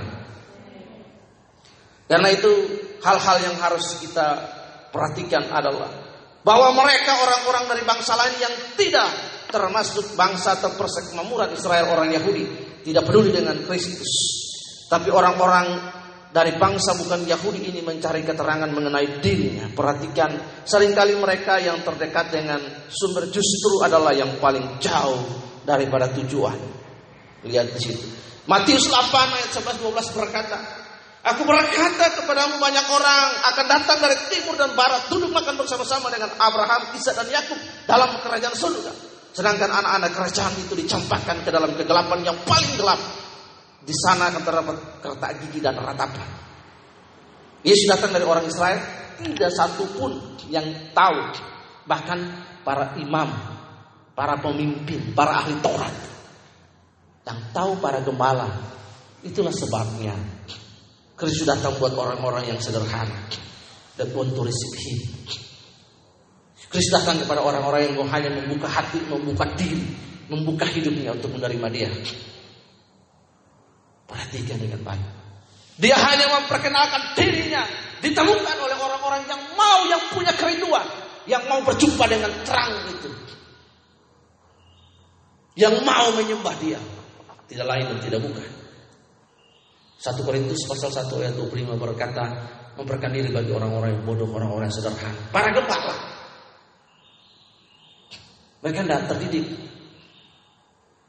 Para gembala tidak terdidik. Perhatikan, para gembala pada masa pemerintahan ada orang-orang yang terpinggirkan sebagai bagian dari strata sosial yang paling rendah dianggap remeh. Karena mereka hanya punya tugas menggembalakan. Itu kasta sosial yang paling rendah supaya tergenapi ya 1 Korintus pasal 1 ayat 25. Sebab kalau Yesus lahir di kerajaan yang megah yang wow, banyak orang menyambut. Itu berarti Anda dan saya harus mencari Tuhan. Search God. Mari kita memperhatikan sering kali mereka yang terdekat sumber dengan sumber justru yang paling jauh dari tujuan. Rasa hormat yang ditunjukkan kepada Kristus oleh orang-orang dari bangsa-bangsa bukan Yahudi merupakan pertanda dan contoh indah tentang apa yang akan terjadi ketika mereka yang jauh akan dibuat menjadi dekat oleh Kristus. Ini menjadi contoh dan teladan bahwa kita secara daging bukan orang Israel. Tapi supaya buka kilat, guys, Galatia pasal 3 ayat 14, perhatikan di situ. Supaya berkat bangsa-bangsa sampai kepada kita. Kita bukan orang Israel daging keturunan fisik. Tapi kita adalah pokok anggur. Kita adalah carang yang dicampurkan pada pokok anggur akibat ketidakpenerimaan Israel kepada Kristus. Perhatikan. Yesus Kristus telah membuat ini supaya di dalam dia berkat Abraham sampai kepada bangsa-bangsa lain sehingga oleh iman kita kita menerima roh yang telah dijanjikan itu. Ingat, ingat, Anda ingat dalam kejadian 19 atau 20 bahwa olehmu seluruh kaum ketika Tuhan pertama kali berjumpa dengan Abraham lalu namanya dirubah menjadi Abraham dia berjanji bahwa olehmu segala kaum di muka bumi akan menjadi ber berkat. Bagaimana caranya? Yesus lahir dari keturunan Abraham dan digenapi. Artinya seluruh muka bumi bangsa mengenal Kristus karena Yesus lahir dari keturunan Abraham. Abraham, Anda buka Injil Matius pasal yang pertama.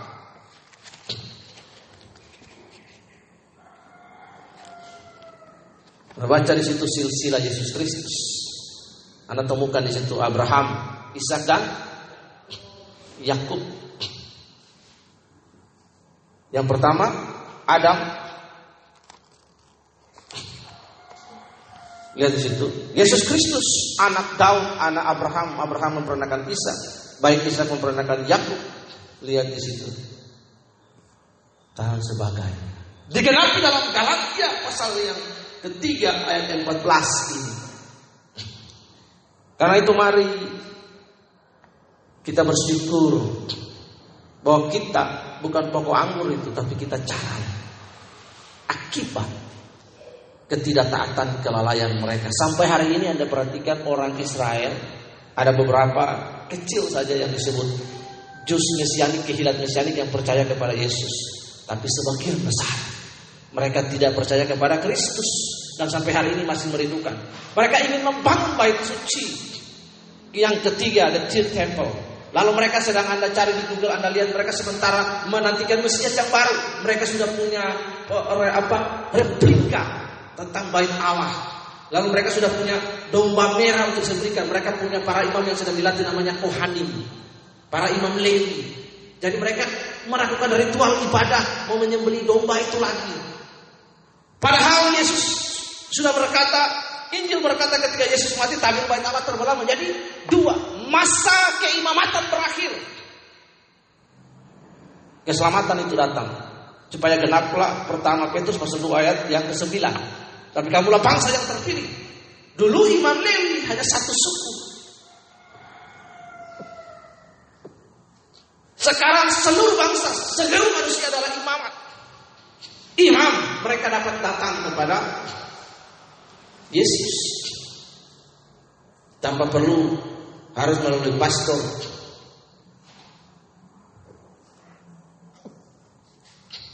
Ngaku dosa itu kepada Tuhan, bukan ngaku dosa kepada manusia. Anda ngaku dosa kepada manusia, manusia bisa bocorkan. Datang aku kepada Tuhan. Tidak ada lagi perwakilan.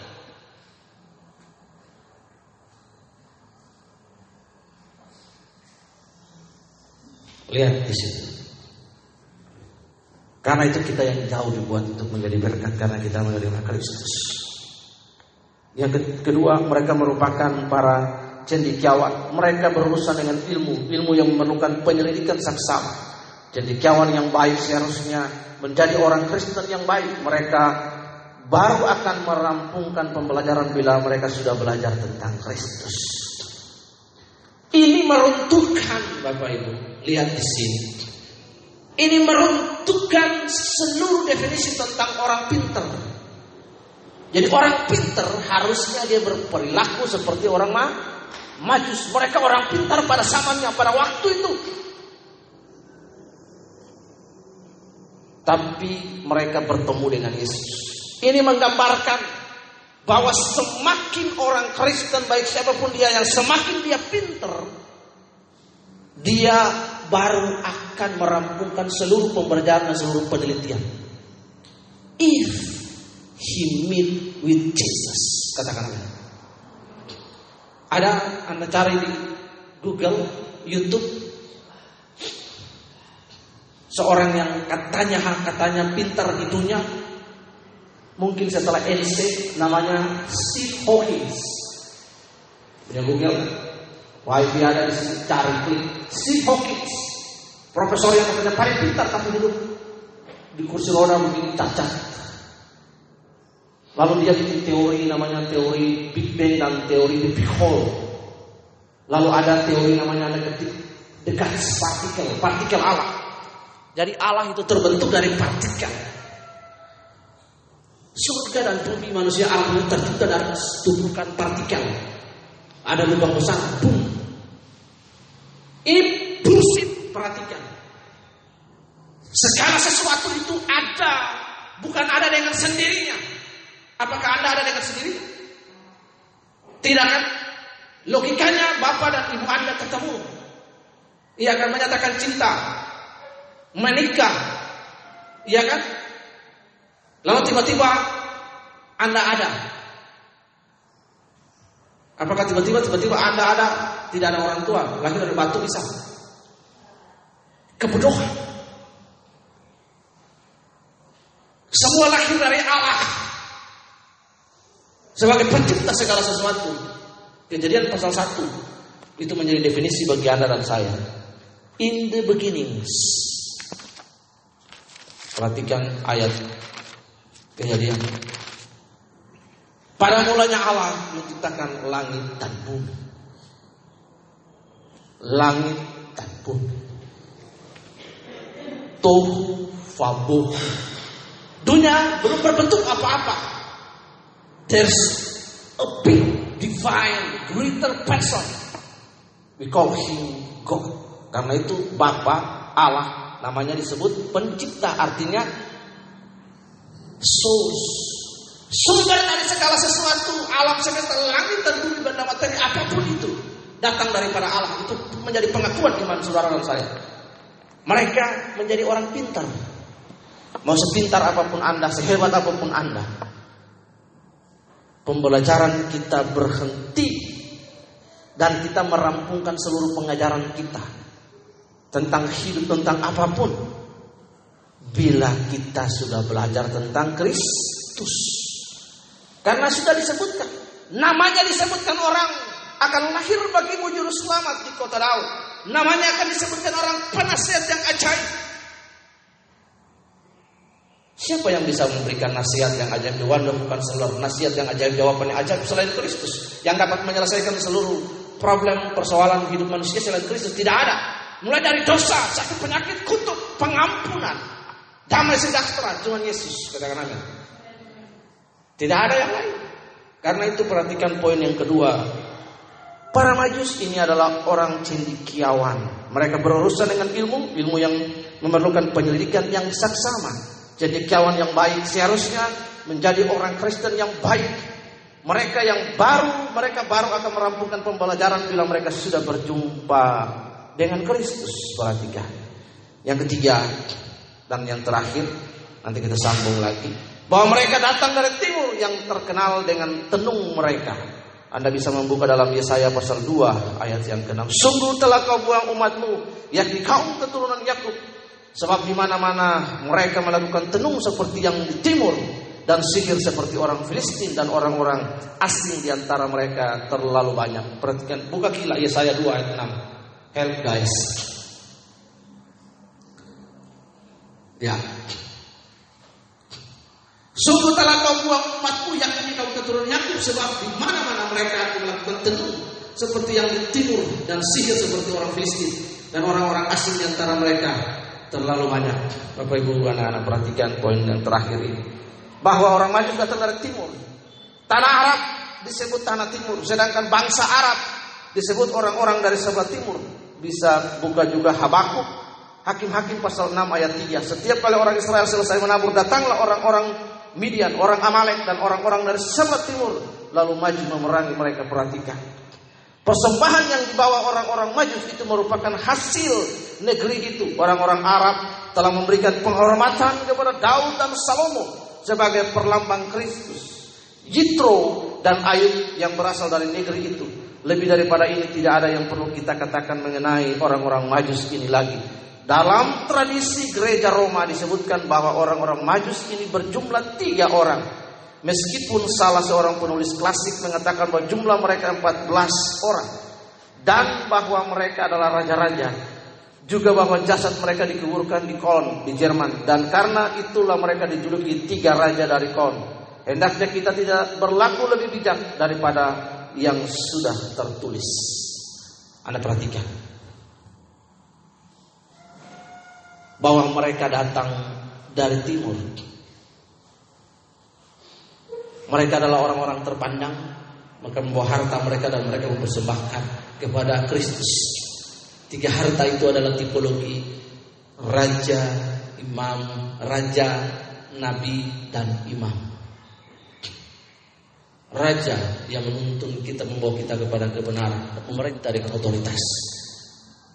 Nabi dia memberitakan pernyataan-pernyataan Tuhan, koreksi kepada kita tentang the future.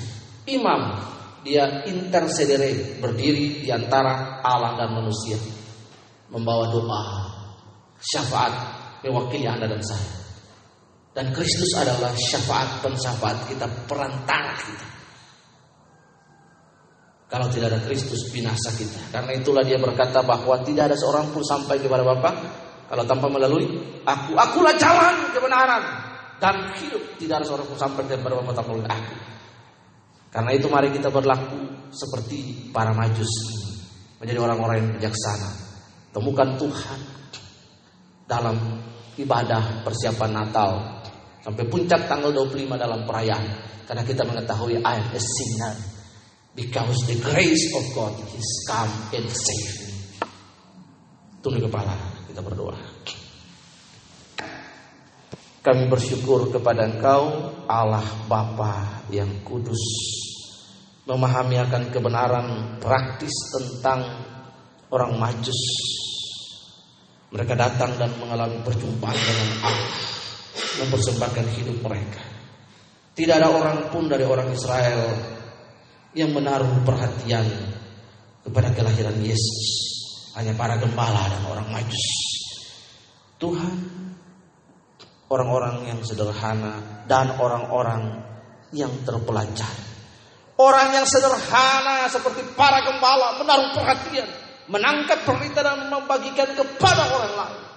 Dan orang yang paling pintar, orang majus itu merampungkan seluruh pelajaran mereka dengan bertemu dan berjumpa dengan Tuhan. Sujud menyembah kepada Yesus, mempersembahkan harta mereka. Demikianlah kan. Biar kami belajar dari para gembala, orang-orang sederhana yang berjumpa Yesus dengan sukacita dan memberitakan kabar sukacita itu kepada orang lain. Hari itu dengan sukacita mereka bernyanyi, Go tell it from the mountain, over the seas and every mountain. Mereka beritakan kabar sukacita melampaui desa-desa gunung-gunung dan lembah-lembah. Dan orang yang pintar mereka berjumpa dengan Tuhan. Puncak pemilik dari seluruh ilmu pengetahuan. Itulah sebabnya Amsal 1 ayat 7 berkata bahwa takut akan Tuhan adalah permulaan hikmat dan pengetahuan. Tetapi orang bodoh menghina hikmat dan didikan. Hosea 4 ayat 6 berkata bahwa my people is perish because they have the knowledge of God. Kami harus berlaku bijaksana supaya kami tidak binasa. Demikianlah Natal ini memberikan gambaran kepada kita. Pranatal ini memberikan gambaran Tuhan sebelum kami memasuki Natal nanti. Biarlah Tuhan kebenaran praktis dari orang majusi menolong kita memahami untuk mengikuti bintang, untuk mendengarkan berita, mengamati bahwa juru selamat Heska. Terima kasih Tuhan. Kita tidak saja menjadi orang-orang Kristen karena KTP administrasi, tapi kita menjadi orang-orang Kristen yang berjumpa secara pribadi dengan Yesus. Tolong kami Tuhan. Di dalam nama Tuhan Yesus kami sudah merampungkan firman hari ini Roh Kudus kiranya menerjemahkan dan menanamkan poin-poin Tuhan dan kesimpulan-kesimpulan yang kami pelajari. Engkau mengetahui semua kerinduan kami, semua keluh kesah kami. Tuhan, biarlah Engkau yang menjawab seturut waktu dan kehendakmu. Bukankah Engkau berkata bahwa pertolongan kami datang daripada Tuhan yang menjadikan langit dan bumi. Engkau dekat ketika kami memuji dan menyembah. Kasih setiamu tidak berubah atas kami. Terima kasih Tuhan anugerahmu dan kekuatanmu yang jauh melampaui segala roh akal dan pikiran. Diberikan kepada kami supaya kami mampu dan dapat melewati hari-hari perjuangan kami hidup dalam bekerja, mengikuti pendidikan, berumah tangga, sekolah dan lain sebagainya. Di atas semua itu ada anugerah Allah yang mampukan kami.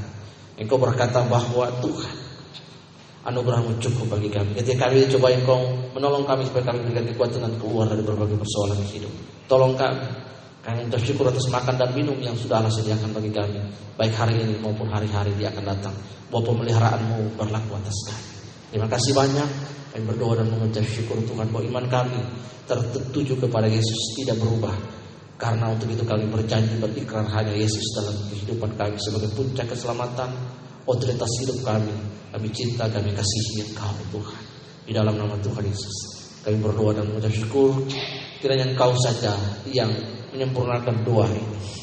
Bapa kami yang di surga, dikuduskanlah nama, datanglah kerajaanmu, jadilah kehendakmu di bumi seperti di surga. Berikanlah kami pada hari ini makanan kami yang secukupnya dan ampunilah kami akan kesalahan kami. Seperti kami juga mengampuni orang yang bersalah kepada kami.